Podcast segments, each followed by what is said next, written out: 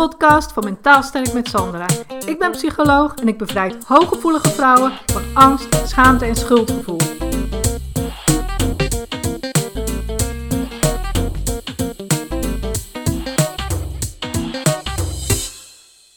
Nou, welkom bij deze podcast. Ik heb voor vandaag heb ik, uh, uitgenodigd Eva-Louise van de Spek, want ik zie haar regelmatig voorbij komen op Instagram. En ik weet dat jij mij ook volgt. Dus ik dacht, weet je wat? We gaan het gewoon eens even hebben over voeding en mindset. Dus welkom Eva. Vertel even, wie ben je en wat doe je precies? Dankjewel. Nou, superleuk dat je me hebt uitgenodigd allereerst. Uh, nou, ik ben dus Eva Louise. Inside en uh, outside transformatiecoach. Uh, ik coach vrouwen op het gebied van voeding, en de relatie met voeding verbeteren. Uh, een stukje training als mensen of als vrouwen dat willen. Uh, krachttraining. En natuurlijk het mentale gedeelte dat daar uh, aan gekoppeld zit. Dus de mindset. Want eigenlijk begint alles met mindset. Je kan heel leuk een, voedingsprogramma krijgen. Maar als je niet werkt aan de mindset, ja, dan is het heel ja. leuk tijdelijk te doen, maar lange termijn niet. Ja, precies. En hoe is dat voor jou gegaan? Vertel eens, wat is jouw verhaal? Met voeding en mindset. Ja, um, ja, dan gaan we best wel ver terug. Ik denk in 2015 ongeveer. Ja, zeg maar het verleden waar ik vandaan kom is dat achteraf zijn bij mij al die puzzelstukjes gevallen van, van waarom ik op een bepaalde manier met voeding omging.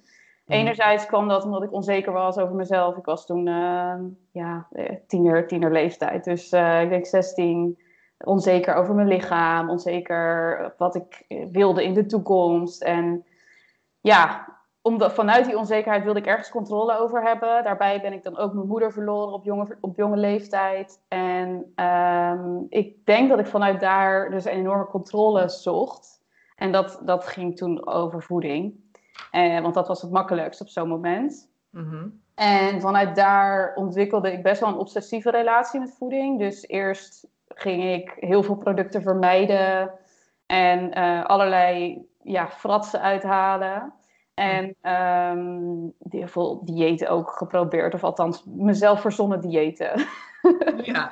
niet dat ik echt een dieet deed, maar ik verzon gewoon zelf van, nou, nu ga ik niet meer dit eten. En zo deed ik dat. Mm-hmm. En vanuit daar, uh, uiteindelijk kwam ik ook in de sportschool terecht. Toen werd ik in één keer bekend met uh, calorieën en, en macro's tracken. Dus koolhydraten, eiwitten, vetten. En dat werd op een gegeven moment best wel obsessief.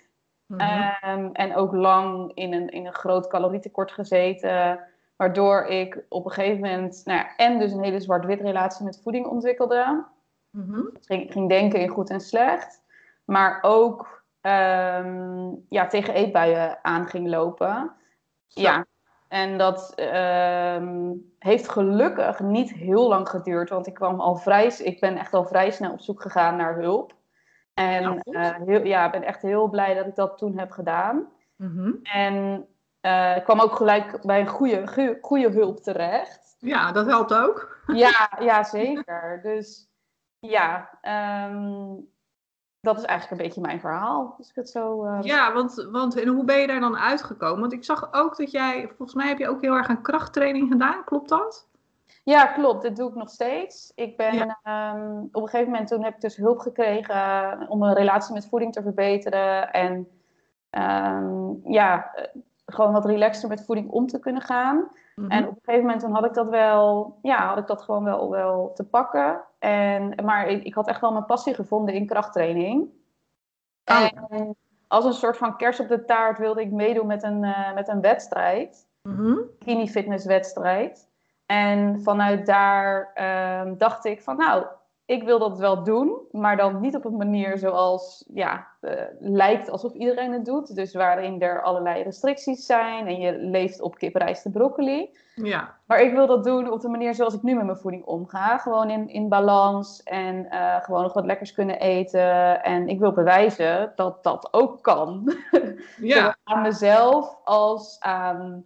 Nou ja, ik deelde toen ook al mijn proces op Instagram. En um, ja, toen, toen heb ik daar naartoe gewerkt. En dat was enerzijds een hele grote overwinning dat ik überhaupt op zo'n podium durfde te staan. Ja, ja. En anderzijds was het ook een overwinning dat ik daar op een hele relaxte manier met voeding doorheen kon gaan. Dus ik kon mezelf pushen tot een best wel laag vetpercentage. Mhm. Maar gewoon op een manier dat helemaal niet als volhouden voelde. Dus ja. Ja, precies.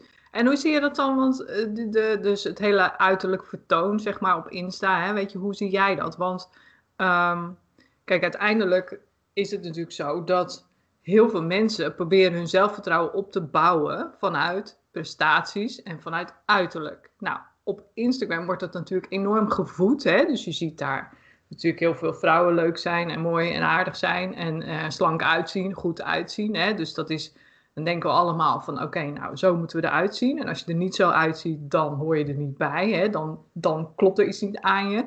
Eh, dus hè, gaan we er alles aan doen om er ook goed uit te zien. Om dus ook dat zelfbeeld te verbeteren. Maar ja, uiteindelijk is dus sowieso, zowel uiterlijk als presteren, hè, dus op wat voor gebied dan ook, is natuurlijk niet de manier om je zelfvertrouwen op te bouwen. Want heel veel mensen lopen daar uiteindelijk stuk op. Hoe zie jij dat?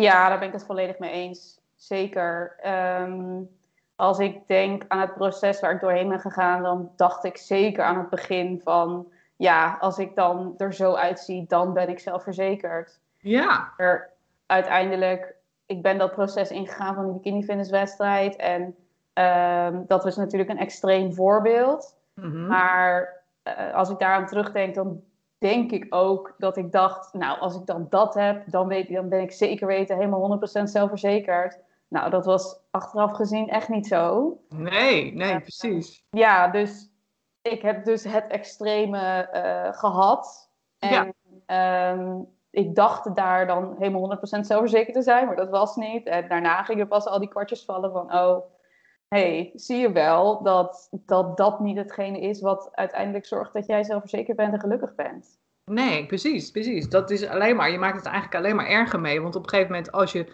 als je, als als je eens een keer je dag niet hebt, hè, weet je wel, je voelt je niet goed of je, je haar zit niet goed of eh, je ziet er niet voor je gevoel niet mooi genoeg uit, ja, dan gaat het, keldert dat zelfvertrouwen weer in. En dan moet je weer opnieuw beginnen aan het uiterlijk om maar weer aan dat zelfvertrouwen te komen. Als het inderdaad überhaupt al komt. En zo blijf je er natuurlijk mee bezig. En zo is ook, denk ik, die relatie naar voeding natuurlijk makkelijk door te trekken. Omdat heel veel vrouwen ook, die ik ook wel spreek, die zeggen ook van ja, ehm, nou, op het moment dat het dan bijvoorbeeld wat moeilijker gaat in hun leven, dan gaan ze als eerste met die voeding aan de slag. Zo van, oh ja, oké, ehm, ik heb stress, vind het moeilijk, ehm, maar dan ga ik juist, eh, eh, hoe heet dat, Eh, op mijn eten letten en dan ga ik juist bewegen. Want eh, anders word ik ook nog eens dik. Weet je, dan gaan ze dat een soort van erbij pakken als zijnde van, eh, juist als het moeilijk gaat, van daar moet ik dan controle over hebben. Snap je wat ik bedoel? Ja, zeker. Ja. Ja. Nou, ehm, misschien, dat weet jij misschien beter dan ik, maar we hebben natuurlijk als mens een aantal basisbehoeften. En als een van die basisbehoeften, zoals het gevoel van veiligheid, wegvalt, Ja. dan is het eerste waar we dan naar teruggrijpen, is een andere basisbehoefte dan maar heel erg gaan vervullen. En dat kan dan het stukje Ja. zijn, ja. Ja, of, het kan ook de andere kant op gaan, dus dat mensen juist bij stress zichzelf ook maar helemaal laten vallen.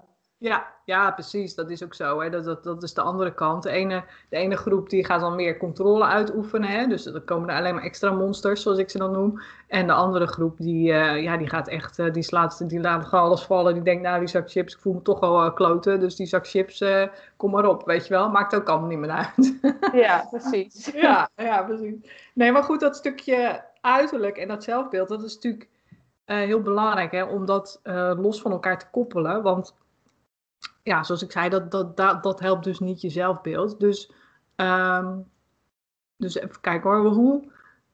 Dus eigenlijk is dat gewoon tegenstrijdig met voeding. Want je ziet dan, kijk, als je met voeding bezig bent, ben je toch ook bezig met afvallen. Hè? Zo, dat is wat heel veel mensen, zoals ze het zien. Hè? Als ik dus met voeding aan de slag ga, daar heel bewust mee omga, dan is uiteindelijk toch het grootste doel is afvallen of er slank uitzien. Maar ja, dan kom je weer op dat punt van, doe je het om een beter zelfbeeld te creëren, ja of nee? Weet je, meestal is dat dus ja. Dus hoe heb jij jezelf daarvan losgekoppeld? Van het stuk ik gebruik voeding om uh, ja. ja. je beter te voelen, om een beter zelfbeeld te creëren. Want daar kwam, daar kwam jij dus achter, nou dat werkt niet. Dus wat heb je er toen wel gedaan om je zelfbeeld te verbeteren? Nou, ik kwam erachter dat het voornamelijk mentaal lag. Dus uh, dat, het, uh, dat ik moest werken aan mijn mindset en aan mijn eigen gedachten. En dat, een dat zelfverzekerd zijn niet een ja, dat het een gevoel is. En een gevoel wordt gecreëerd door je gedachten. Dus het werk dat te doen, dat, dat was niet aan uh, de buitenkant, het plaatje, maar juist aan dat wat aan de binnenkant lag. Ja, precies. En wat heb je daarin veranderd? Um, nou, sowieso, het, het, het grootste stuk is natuurlijk bewustwording. Dus bewustwording van mijn gedachten. Ja. Um, maar ook, ja, uh, een stuk acceptatie. Ja, dus, van wat? Ja, bijvoorbeeld hoe, uh, dat je je wel eens gewoon wat minder voelt. Dat het oké is. Accepteren dat je uh, doet wat je doet en, en dat je daar nog in op, op onderzoek moet, bijvoorbeeld. Ik zeg dat ook altijd. Mensen die, die bijvoorbeeld ook tegen eetbuien aanlopen, die veroordelen zichzelf voor het feit dat ze een eetbui hebben of dat ze, dat, dat ze daar tegen aanlopen. Maar als er één ding is wat niet helpend is, dat is jezelf veroordelen voor het gedrag dat je vertoont. En zo is natuurlijk ook gedrag dat ik uh, heb vertoond of ja, waar ik mezelf heel erg voor veroordeelde. Maar totdat ik tot het besef kwam van als ik accepteer dat ik, dat ik dit nu nog doe, dan kan ik vanuit daar ook aan de slag gaan om het te gaan oplossen. In plaats van mezelf de grond in te trappen, dat ik ervan baal dat ik iets doe. Ja. Ja, precies. Dus eigenlijk zeg je een stukje zelfcompassie, hè? in plaats van altijd maar die kritiek. Ja, precies dat. Ja, ja, ja want dat is inderdaad hè, dus, dus uh, de manier om, om een, zelf, een gezond zelfvertrouwen op te bouwen, ligt natuurlijk altijd in zelfcompassie.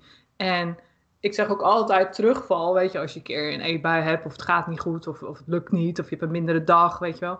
Dat is ook altijd juist heel positief. Want dan kun je kijken van, oh ja, maar waarom val ik terug? Hè, wat, hoe, waar komt dat door en hoe kan ik dat de volgende keer anders doen? Dat zijn altijd hele mooie bewustwordingsmomenten. En heel veel mensen zien dat alleen maar als uh, zijnde van ja, zie je nou wel, ben ik weer verkeerd, verkeerd bezig. Ja, alle pijn is groeipijn, toch? Ja, Echt, ja precies. ja, ja, precies. Dus dat is uh, voor jou ook uh, belangrijk inderdaad. Dus die zelfcompassie en daar uh, anders mee omgaan. Dus met je gedachten. Wat nog meer? Wat heeft jou nog meer geholpen? Um, ook wel het, het, geconfronteerd worden met de realiteit. Dus ja. mezelf in één keer beseffen dat de dingen die je natuurlijk voorbij ziet komen op Instagram en uh, nou ja, televisie, dat dat niet altijd realistisch is. Of eigenlijk 9 van de 10 keer niet realistisch. Nee. En um, dat besef had ik op een gegeven moment dat ik heel erg ook, nou ja, dus zo gefixeerd was op mijn lichaam. En toen is op strand lag en nou ja, eh, op, op vakantie was ik. Ja. En om me heen ging kijken en toen dacht ik, wow, mijn bubbel van social media, Instagram, is hmm. helemaal gericht op dat het perfecte plaatje. En dat ik denk dat iedereen er zo uitziet. Juist, ja. Als gewoon eens verder gaan kijken, is dat echt dikke vette onzin. Ja, dus toen zag je eigenlijk de echte wereld daar om je heen op het strand. Ja, ja. Ja, dat normale mensen. En uh, dat ik ook in één keer besefte van...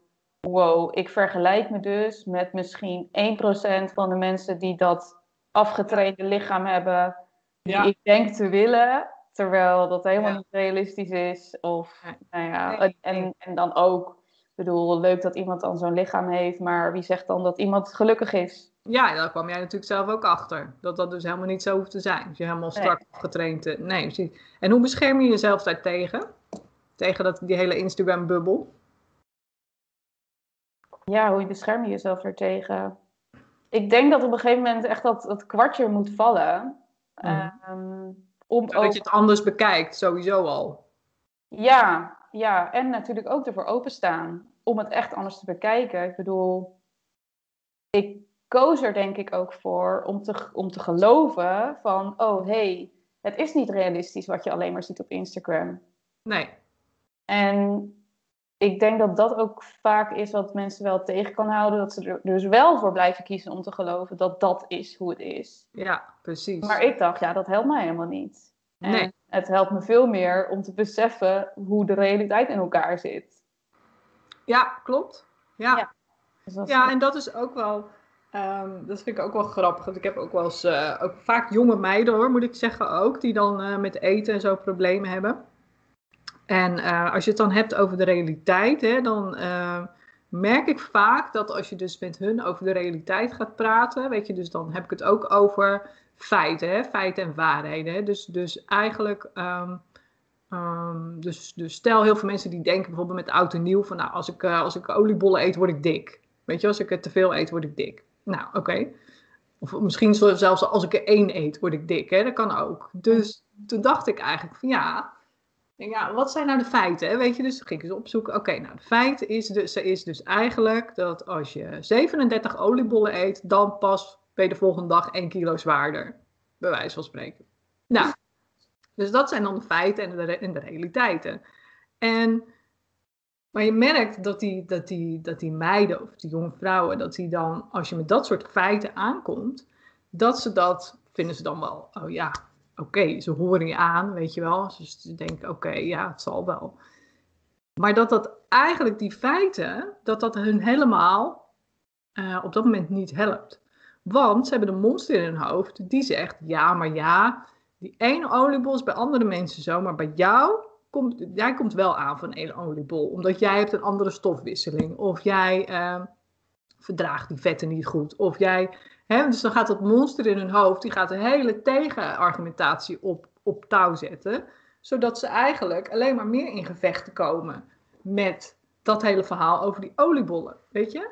Dus daarom ehm, werk ik er ook altijd mee om, hun, om gedachten als gedachten te zien. Puur als gedachten. En ze niet zozeer te weerleggen met allerlei feiten. Want ja, zoals ik zeg, dat, dat veroorzaakt eigenlijk alleen maar een extra gevecht in hun hoofd. Dus ik ben benieuwd wat, wat jouw ervaring daarmee is.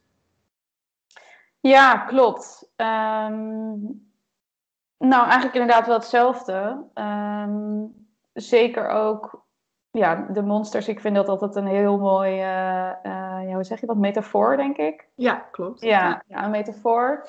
Om dat op die manier te beschrijven, want dat maakt het ook natuurlijk, ja, een soort, soort van Ja, beeldvorming. visueel, erbij. ja, klopt. Ja. Ja. En hoe ik dat zie. Ehm, ja, eigenlijk ervaar ik dat ook hetzelfde. Dus dat het dan, je kan met feiten aankomen, maar er, het monstertje komt altijd met een tegenargument. Ja. Ja, en zolang dat onopgelost blijft eigenlijk, en iemand er dus ook enerzijds voor blijft kiezen om dat monstertje te geloven, want Ja. inderdaad door het uitzoomen van je gedachten en het puur te zien als gedachte, ehm, kan je ook zien, hé, hey, dat, is, dat, dat is helemaal niet afkomstig van mij, dat komt van dat monstertje. Ja. Ja, dan ehm, kan je inderdaad wel eh, steeds meer die, die feiten wel als waarheid gaan aannemen. Ja, ja, dat heeft tijd nodig sowieso. Dat, dat, dat heeft training nodig om in ieder geval dat monster gewoon minder te gaan geloven. Hè, door het als een monster te zien. En eh, ja, misschien in de tijd kom je er een keer op dat je echt snapt van oké, die ene oliebol kan geen kwaad. Maar dat is ook iets wat heel veel, wat je niet gewoon in één keer voor elkaar krijgt. Weet je, dat heeft heel veel tijd nodig hè, om daar echt los te van komen. Want veel van die meiden, die zijn, hebben zichzelf jarenlang zo getraind in het denken over voeding en dus ook feitjes en of fabels in hun hoofd hebben gecreëerd die voor hun heel erg waar zijn. ja. En ja, die weerleg je echt niet zomaar. En dan kom je bijna in een soort van politiek debat terecht, weet je wel, wat ook eindeloos duurt. eh. Snap je? Dus dat is, eh, dat is denk ik ook inderdaad wel belangrijk. Oké, maar even een vraagje ook, want ik zie je op jou, bij jou op Insta zie ik ook vaak dat proteïnepoeder voorbij komen, hè? En ehm, denk ik, waarom? Wa- Wat is daar toch mee? Weet je, mijn zoontje, die is, eh, zoon, zoontje, die is eh, 14. En eh, die is daar dus ook mee begonnen. Die ziet dat waarschijnlijk ook overal eh, voorbij komen op social media. En toen dacht ik, ja, waarom, wat is dat toch met dat proteïnepoeder? Waarom gebruiken mensen dat? Hè? Als je proteïne nodig hebt, kun je toch ook gewoon een ei eten, of niet? ja, ja. nou, eigenlijk ehm, is het inderdaad ook een soort hype. Als ik terugdenk aan dat ik daar ooit mee ben begonnen, dacht ik: oké, ik ga krachttraining doen, dus ik moet proteïnepoeder gebruiken. Want Ja. Maar waarom? Wat, wat is daarmee? Ja, ja, enerzijds doet de markt dat natuurlijk ook heel goed. Dus ehm, al die eh, ja, bedrijven die dat promoten, die, ja, die, die maken daar gewoon goed gebruik van door dat te koppelen daaraan. Ja. Maar andere kant, en, en ook alle Instagrammers natuurlijk, die worden weer gesponsord door die bedrijven. Dus je hoort er een soort niet bij als jij als krachtsporter bijvoorbeeld geen proteïnepoeder zou nemen. Ja, ja, hoe het dan zit qua, qua eiwitten. In principe heb je dat eiwitpoeder helemaal niet nodig, want het zijn gewoon eiwitten. En eiwitten kan je ook uit alle, alle, allerlei andere producten halen. Dus um, uh, het zou je inderdaad zeker kunnen vervangen voor een ei of voor um, uh, kipfilet of witvis of nou ja, whatever.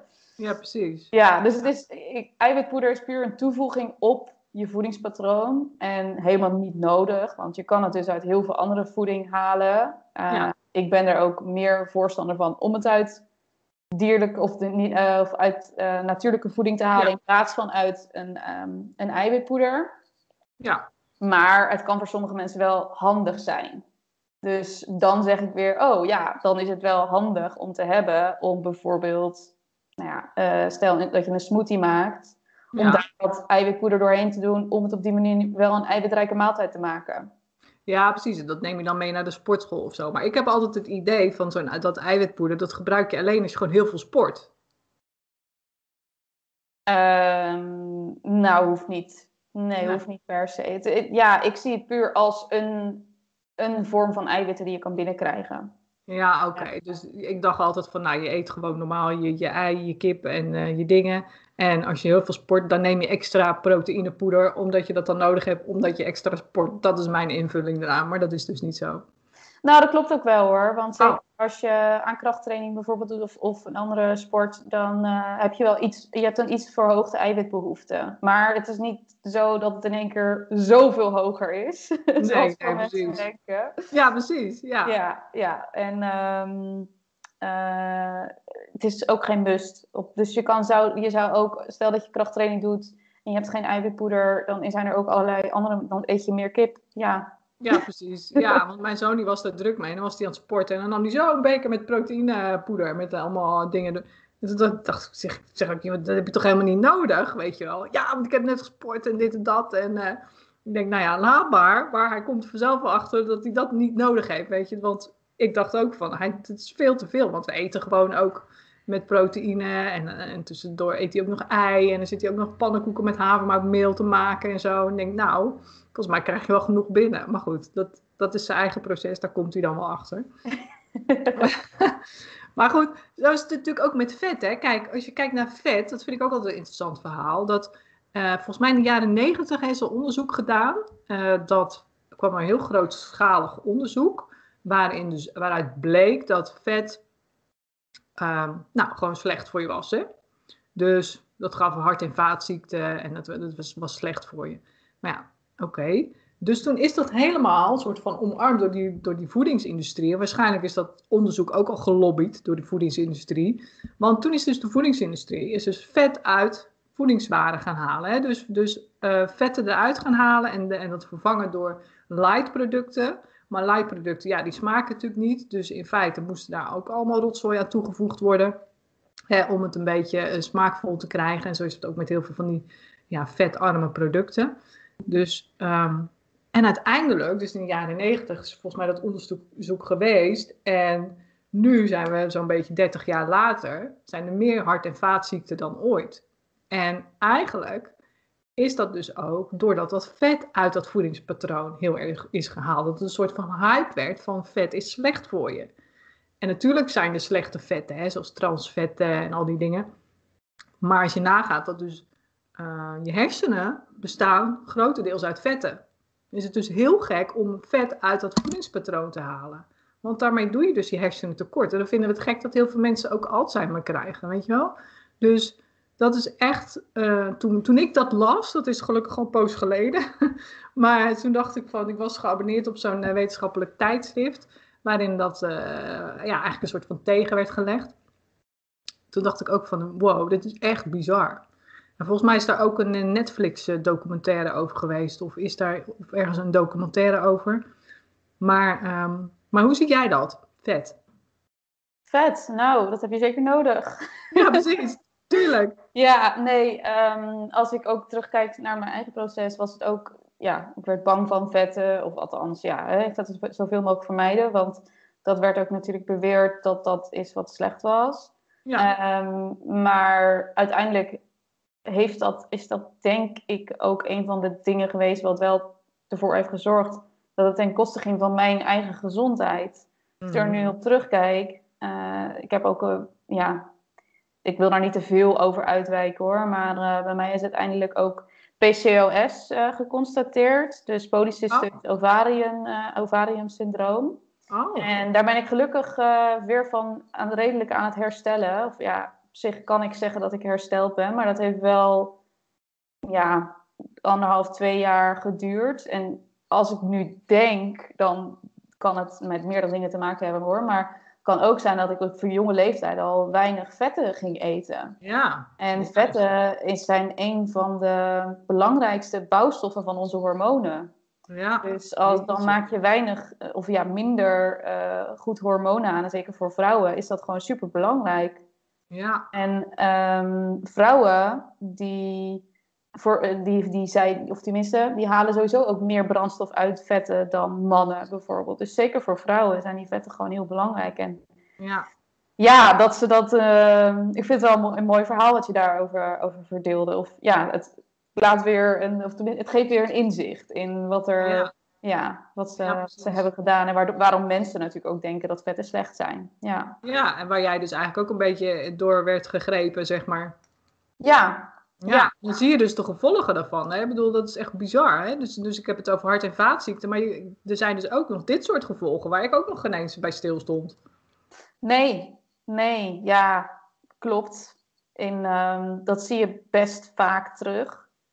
Bijvoorbeeld, ik- ja, ik, ik kan dat niet zo 1, 2, 3 makkelijk zeggen hoor, maar ehm, toen ik bijvoorbeeld naar die, naar die eh, bikini, bikini fitnesswedstrijd toe werkte, dat heb ik wel gedaan door nog voldoende vetten te blijven eten.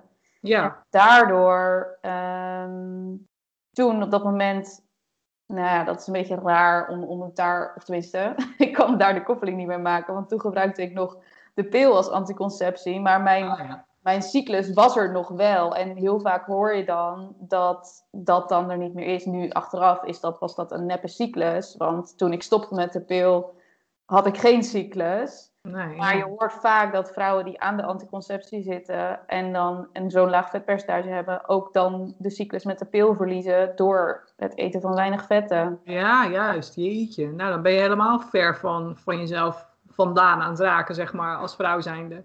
Ja, ja. Ja, bizar is dat zeg. En eh, hoe zie je dat ook met hooggevoeligheid? Hè? Want ik ben hooggevoelig. Ik weet niet, ben jij hooggevoelig? Een beetje. Niet eh, in extreme mate, maar kan wel overprikkeld zijn. Ja. Ja, want sowieso vrouwen en hormonen en dan heb je ook nog hooggevoeligheid. Hè? Die hebben natuurlijk ook enorme invloed op hoe je je voelt.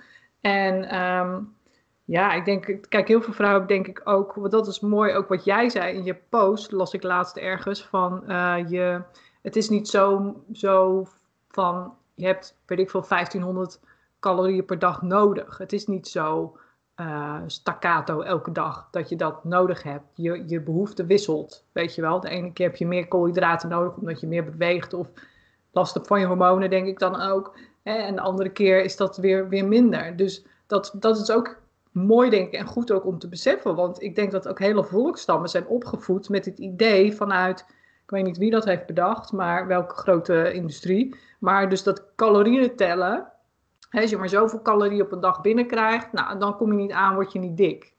En je hebt natuurlijk te maken met het vrouw zijn. En de ene keer heb je verhoogde koolhydraatbehoefte en de andere keer niet. Dan heb je meer behoefte aan vet of aan, weet je. En, en dat is ook wat jij zegt volgens mij, dat je niet sowieso die koolhydraten precies elke dag die 1500 nodig hebt. Maar ook dat je dus, dat het ook gewoon oké is dat je eens een keer wat lekkers eet. Toch? Zeker. Ja. ja, dit is Ja. ook natuurlijk de reden dat ehm, ja, heel veel mensen zwart-wit gaan denken over voeding door het vermijden van productgroepen, maar ook suiker en koolhydraten en dat soort dingen. Ja, Ja, precies. En um, wat, wat, was de, oh, wat was de vraag nou precies? Nou, dat je dus, dus die. Uh, kijk, hoe zie je dat? Dat je dus uh, het stukje. Hè, dat, dat eten, dat meer koolhydraten eten als je hormonen anders zijn. Uh, dus die verhoogde behoefte daarin. Weet je, wat, hoe zie jij dat? Dus dat je dus met die hooggevoeligheid, die hormonen en dat stukje dus niet per se, maar aan die 1500 calorieën vasthouden en dat stukje van je mag nooit wat lekkers eten. Dus hoe zie je dat? Ja, nou zijn die 1500 calorieën natuurlijk ook ergens uit de lucht geplukt. Want... Ja, precies. Dat bedoel ik. Wie heeft dat ooit bedacht? Weet je, dat is ja. ook zoiets. Net als dat vetverhaal van vet is slecht voor je. Ja, en je bent vrouw en je moet 1500 kilocalorieën en als man moet je er 2000 hebben. Wie heeft dat ooit bedacht? Weet je? Ja, en um, daar is ja, tenminste, als je verder gaat zoeken naar de info, dan, dan kan je wel meer informatie erover vinden dat elk lichaam een andere energiebehoefte heeft. En zo wisselt dat ook, inderdaad ook binnen de cyclus. Dat we binnen onze cyclus eh, ja, dagen kunnen hebben waarin we wat meer trek hebben en dagen waarop we dat wat minder hebben. En ja, in principe is ons lichaam natuurlijk prima in staat om dat gewoon aan te geven. Um, het is dat we nu in één keer afhankelijk zijn van calorieën die uh, geteld kunnen worden met je telefoon en uh, een smartwatch die je om hebt die zegt hoeveel jij hebt verbrand. Maar ja. eigenlijk hebben wij dat als mens zijn natuurlijk helemaal niet nodig, want we zijn prima, of tenminste ons lichaam is prima in staat om een signaaltje te geven wanneer we uh, meer voeding nodig hebben. En als je er goed naar leert luisteren, ook zelfs wat voor voeding. Ja, dus eigenlijk zeg je van je kunt beter leren luisteren naar je lichaam dan dat je luistert naar de cijfers. Ja. op smartphone en je app en al die dingen. Ja, ja. ja dus Tuurlijk kan het, het wel het, um, het, het, eh, zeg maar, het bewustzijn van wat zit er nou in voeding wel bijdragen aan van hé, hey, waarom, of tenminste, als ik dit eet, ja, dat is misschien niet zo handig nee. dan, dan wanneer ik dat eet. Dus het, het kan wel bijdragen aan het stukje bewustwording. Maar ik denk dat als je eenmaal je bewust bent en ook wel gewoon weet van. Ik bedoel, iedereen die weet wel wat, wat, wat nutriëntrijke voeding is en wat minder nutriëntrijke voeding is. Ja. Uh, dat je dan ook zeker niet meer dat, dat allemaal hoeft ja, uh, of hoe heet het, afhankelijk hoeft te zijn van, van technologie, zeg maar, om het bij te houden. Nee, precies. Want kijk, als je hooggevoelig bent, dan, kijk, zoals ik, ik ben gevoeliger voor bepaalde stoffen ook in voeding dan ja, een ander die dat misschien niet is. Dus bijvoorbeeld bij, bij mij alles waar uh, histamine in zit, zoals noten en zo, dat gaat bij mij gewoon mis. Weet je, daar krijg ik last van. Dus dat is eigenlijk ook weer het stukje luisteren naar je lichaam. Hè? Van wat doet iets met je? Ik kan gewoon geen noten eten, vind ik wel jammer, want ik weet ze zijn gezond. Maar uh, ja, dat houdt dan op. Weet je, dan moet ik ook naar iets anders, een alternatief gaan zoeken. dus zo is dat ook weer voor iedereen anders. Wat, uh, wat voel je dan op zo'n moment? Daar ben ik wel benieuwd naar. Nou, ik, ik, voel, ik word gewoon, ik ben daar gewoon allergisch voor. Dus dan ben ik echt, uh, in de, krijg ik echt heel erg buikpijn. En dan, weet je wel, dan ga ik, ga ik een soort van zweten. En dan, uh, dan, dan heb ik daar heel lang last van. Oké. Okay. Dus, en ik krijg ook uitslag. Dus dat is echt een allergie. Maar dan heb je bijvoorbeeld dingen zoals avocado. Um, en zuurkool, dus gefermenteerde producten, dat is vaak ook hoger in histamine. Daar heb ik ook last van. Dus dat, als ik gewoon zo puur een avocado eet, dan, dan voel ik ook een soort van, dan krijg ik ook een soort van buikpijn, darmpijn.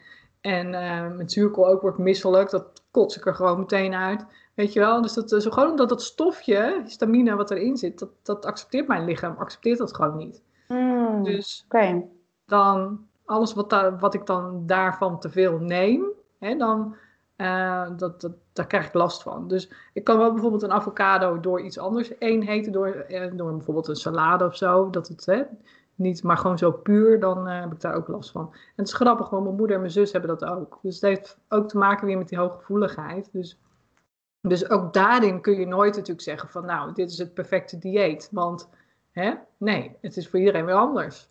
Klopt. Ja, en nu, nu noem je er inderdaad het voorbeeld van, van histamine of een andere stof die erin kan zitten. Er zijn ook mensen die gevoeliger zijn voor suiker. Dat, dat ja, natuurlijk dat is voor mij ook. En koffie heb ik ook heel erg last van. Dan kan je niet de hele dag te drinken. Nee, nee.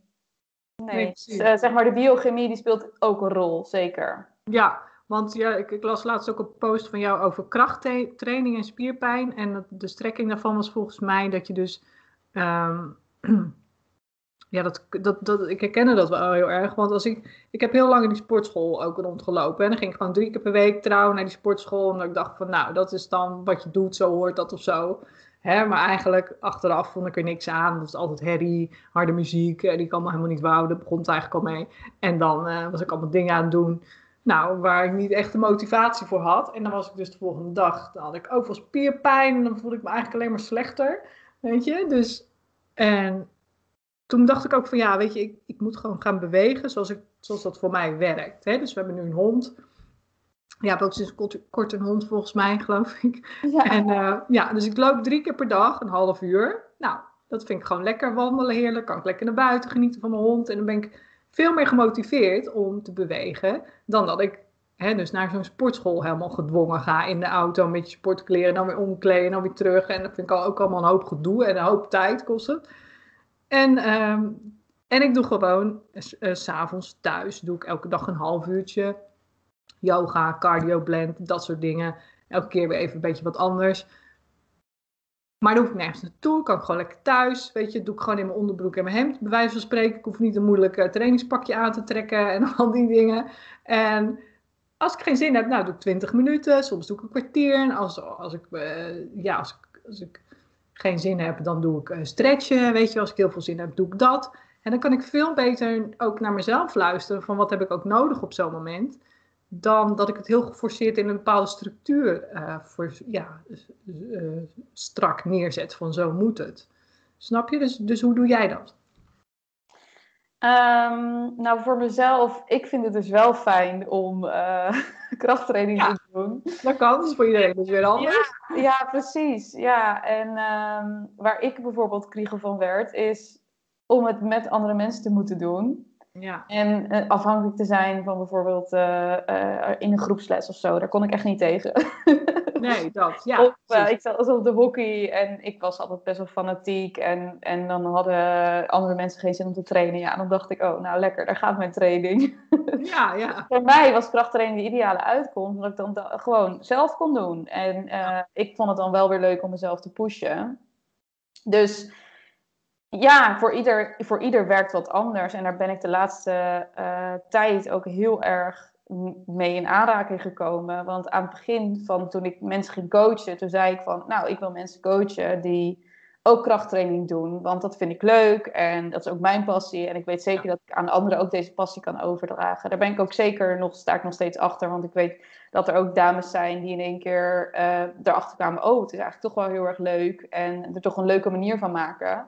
Maar er zijn ook dames die erachter kwamen uh, dat krachttraining niks voor ze was. En dat is zeker de laatste tijd, nu natuurlijk ook met de lockdown, dat, uh, dat, dat, mensen niet naar de sportschool kunnen en er dan in één keer achter komen van, ja, eigenlijk is die sportschool ook helemaal niet wat ik wil. En dan komen we weer terug bij, wat wil ik dan? En voor de ene is dat inderdaad lekker yoga doen of gewoon wandelen of um, een, een, een YouTube filmpje nadoen of dat. En voor de ander is dat wel uh, nou ja, krachttraining, een vorm van krachttraining of uh, hardlopen of iets anders. Ja.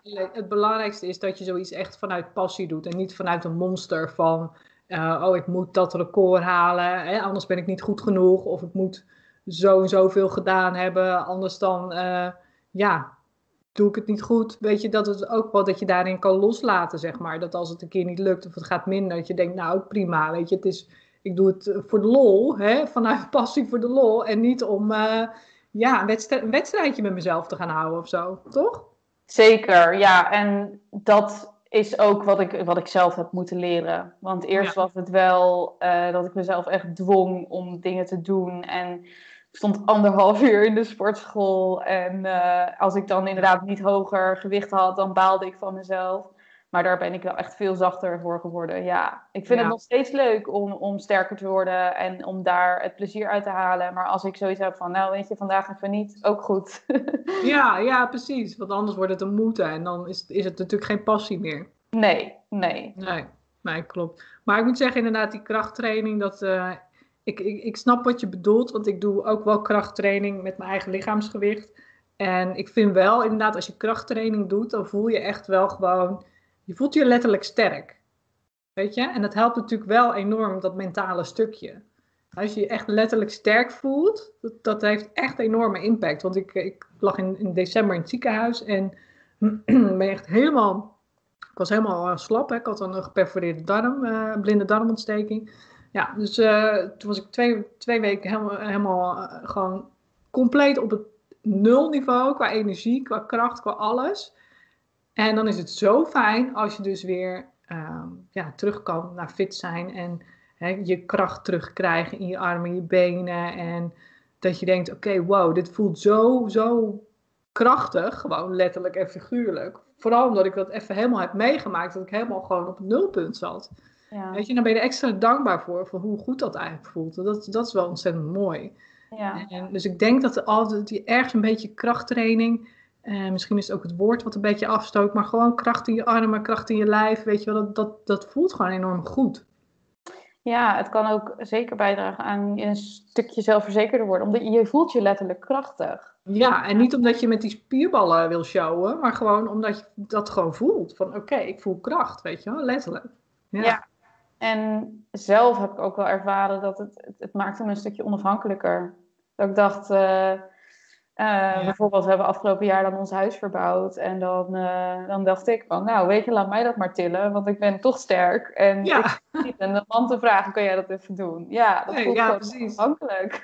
Ja, ja dus, dat is zeker, ja. Ja, dus het draagt ook dan in die zin een beetje bij aan, aan ook je zelfverzekerd voelen daarover. Ja. Maar ik moet ook zeggen, uh, er zitten ook vaak mentale lessen verscholen in, uh, in, in, in, de sport die je doet of de krachttraining die je doet. Mm Zo had ik laatst een gesprek met een dame en die gaf aan dat ze uh, eigenlijk heel lang deed over, over de training.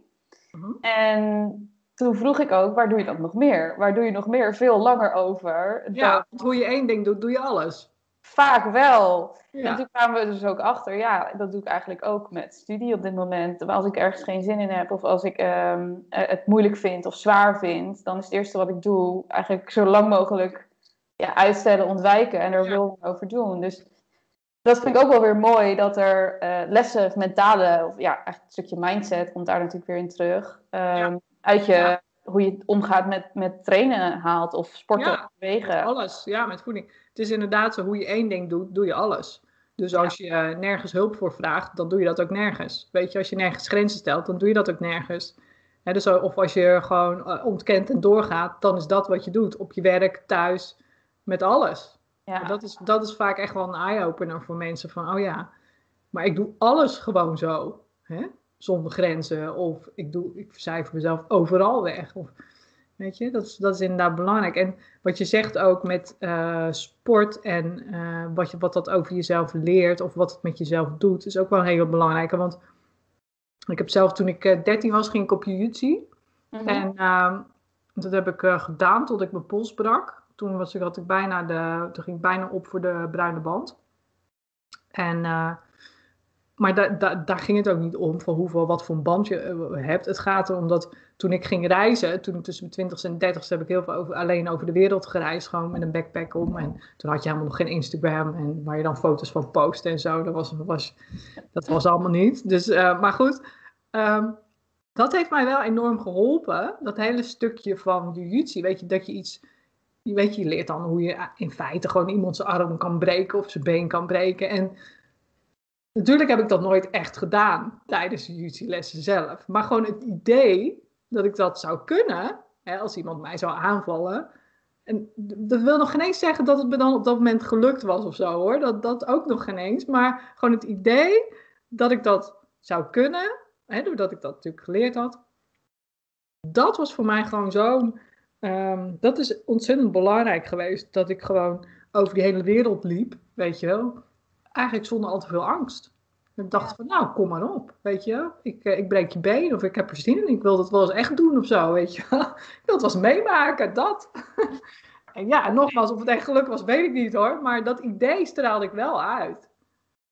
Ja, ja nou ja, ik denk ook dat als je daarin gelooft dat je dat kan, dat, dat je het ook kan. Ja, maar net als wat jij zegt, van ik kom ook met die, met die zware spullen, ik sjouw het wel, weet je wel. Dat is, dat is wel dat stukje kracht ook wat je inderdaad via je lijf, hè, wat doorwerkt natuurlijk naar hoe je over dingen denkt. Ja, zeker, ja.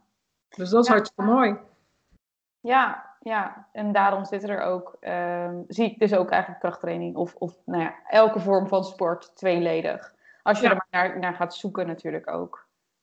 Van, hey, hoe kan ik dit, uh, wat ik doe met hardlopen bijvoorbeeld, toepassen op andere dingen uh, in mijn leven? Of als er juist iets niet goed gaat met hardlopen, waar doe ik dat nog meer? Ja, ja precies. En ook gewoon de juiste sport zoeken, hè? of de juiste manier van bewegen, om het zo maar eens te noemen. Je hoeft nog geen eens per se op een sport of zo. Nee.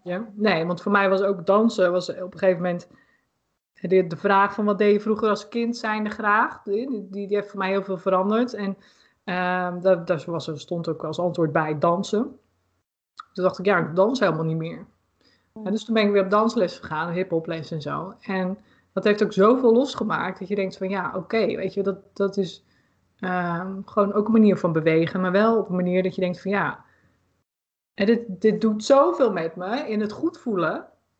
En dat, je, dat je gewoon, daar kun je ook vastlopen in. Ook moet die pasjes goed doen en zo. En ik moet het allemaal moet opletten. En de volgende keer moet ik mee kunnen. In het begin kon ik helemaal niet meekomen. Het was echt gewoon fucking moeilijk. Maar uh, weet je, dat gewoon dat gevoel wat het geeft. Dat is gewoon belangrijk dat je gaat voelen van oké, dat is wat ik nodig heb, dat is wat bij mij past. En voor iedereen is dat dus gewoon weer anders. Dus laten we het ook alsjeblieft niet gaan uh, proppen in je moet sporten, je moet dit doen, je moet dat doen. Nee, je moet doen wat bij je past. En jij trekt misschien inderdaad meer meiden of dames aan die van krachttraining houden of hè, op die manier, toch? Ja, de laatste tijd ook uh, niet. Dus dat heel veel mensen beseffen van, hé, hey, ik wil eigenlijk dat alleen maar doen omdat ik denk dat dat nodig is. Maar... Ja, precies. Dat ze denken dat ze dat nodig hebben. En dan uh, komt iets heel anders uit. Kun je daar een voorbeeld van geven? Um, ja, zeker. Want ik heb dus een dame gecoacht die, uh, uh, nou ja, die, die begon heel fanatiek met, ja, ik wil krachttraining doen. En toen gingen we dat dus doen. Mm -hmm. En na, uh, volgens mij, vier weken moest ze ook geopereerd worden. Dus ze kon zes weken niet niks trainen. En tijdens die zes weken kwam ze er één keer achter van... Oké, de enige reden waarom ik dat wil doen is omdat ik denk dat ik dan een bepaald lichaam daarmee behaal. En dat ik dan precies. tevreden ben. Maar ik kom er nu achter dat dat niet hetgeen is waardoor ik zelfverzekerd kan zijn.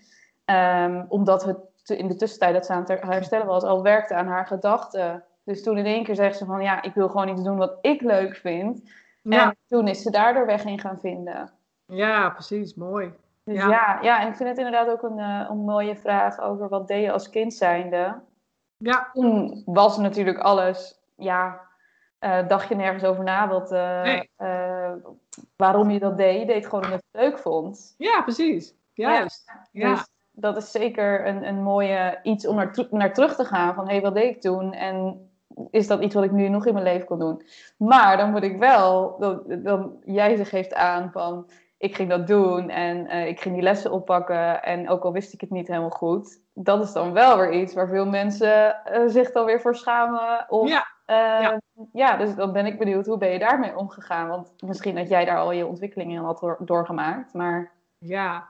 ja, gewoon ook loslaten. Denken van, nou ja, weet je, ik zit hier voor mijn lol. Weet je, ik doe het voor de passie. En het komt vanzelf wel. Ik weet gewoon, op alles alles wat je nieuw gaat doen. Kijk, ik deed gewoon altijd een beetje leuk dansen, dat verzon ik zelf. Maar ik ging echt op hip-hop les. En hip-hop is natuurlijk, ja, uh, op een bepaalde manier dansen. En ik heb daar mezelf nooit in getraind. Dus ik wist gewoon van, nou, dat is gewoon een beginnetje. In mijn hersenen ben ik een, een verbinding aan het aanleggen. En dit, ik zit in het begin. En ja, ik heb gewoon training nodig om daar een dikkere verbinding van te maken, zodat het allemaal makkelijker gaat. Dus ik, ik had in die zin gewoon geduld met mezelf. En dat is wat heel veel mensen niet hebben.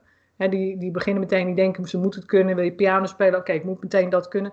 Alles is training, omdat je letterlijk die verbinding in je hersenen nodig hebt. En dat is gewoon, was op dat moment mijn houvast. En daardoor kon ik het makkelijk loslaten. En dacht van nou, weet je, ik, uh, als ik, en het ook zo gek maken als je zelf wil. Weet je, ik, ik, ik heb wel eens buiten de lessen gedanst. Weet je, dat ik het ging oefenen, omdat ik dacht van nou, weet je, ik wilde het gewoon eventjes nog een keer oefenen, maar, maar gewoon puur voor die training. Maar dat deed ik ook niet elke week. Als ik daar geen zin in had, dan dacht ik van nou, ik zie het in de les wel weer, weet je wel. Train ik dan wel weer verder. Het moet ook geen soort van moeten of bewijzen of zo naar jezelf toe worden. Het moet echt heel erg gaan vanuit, ik doe het voor de lol en ik hoef niemand iets te bewijzen, ik hoef niks te presteren in feite.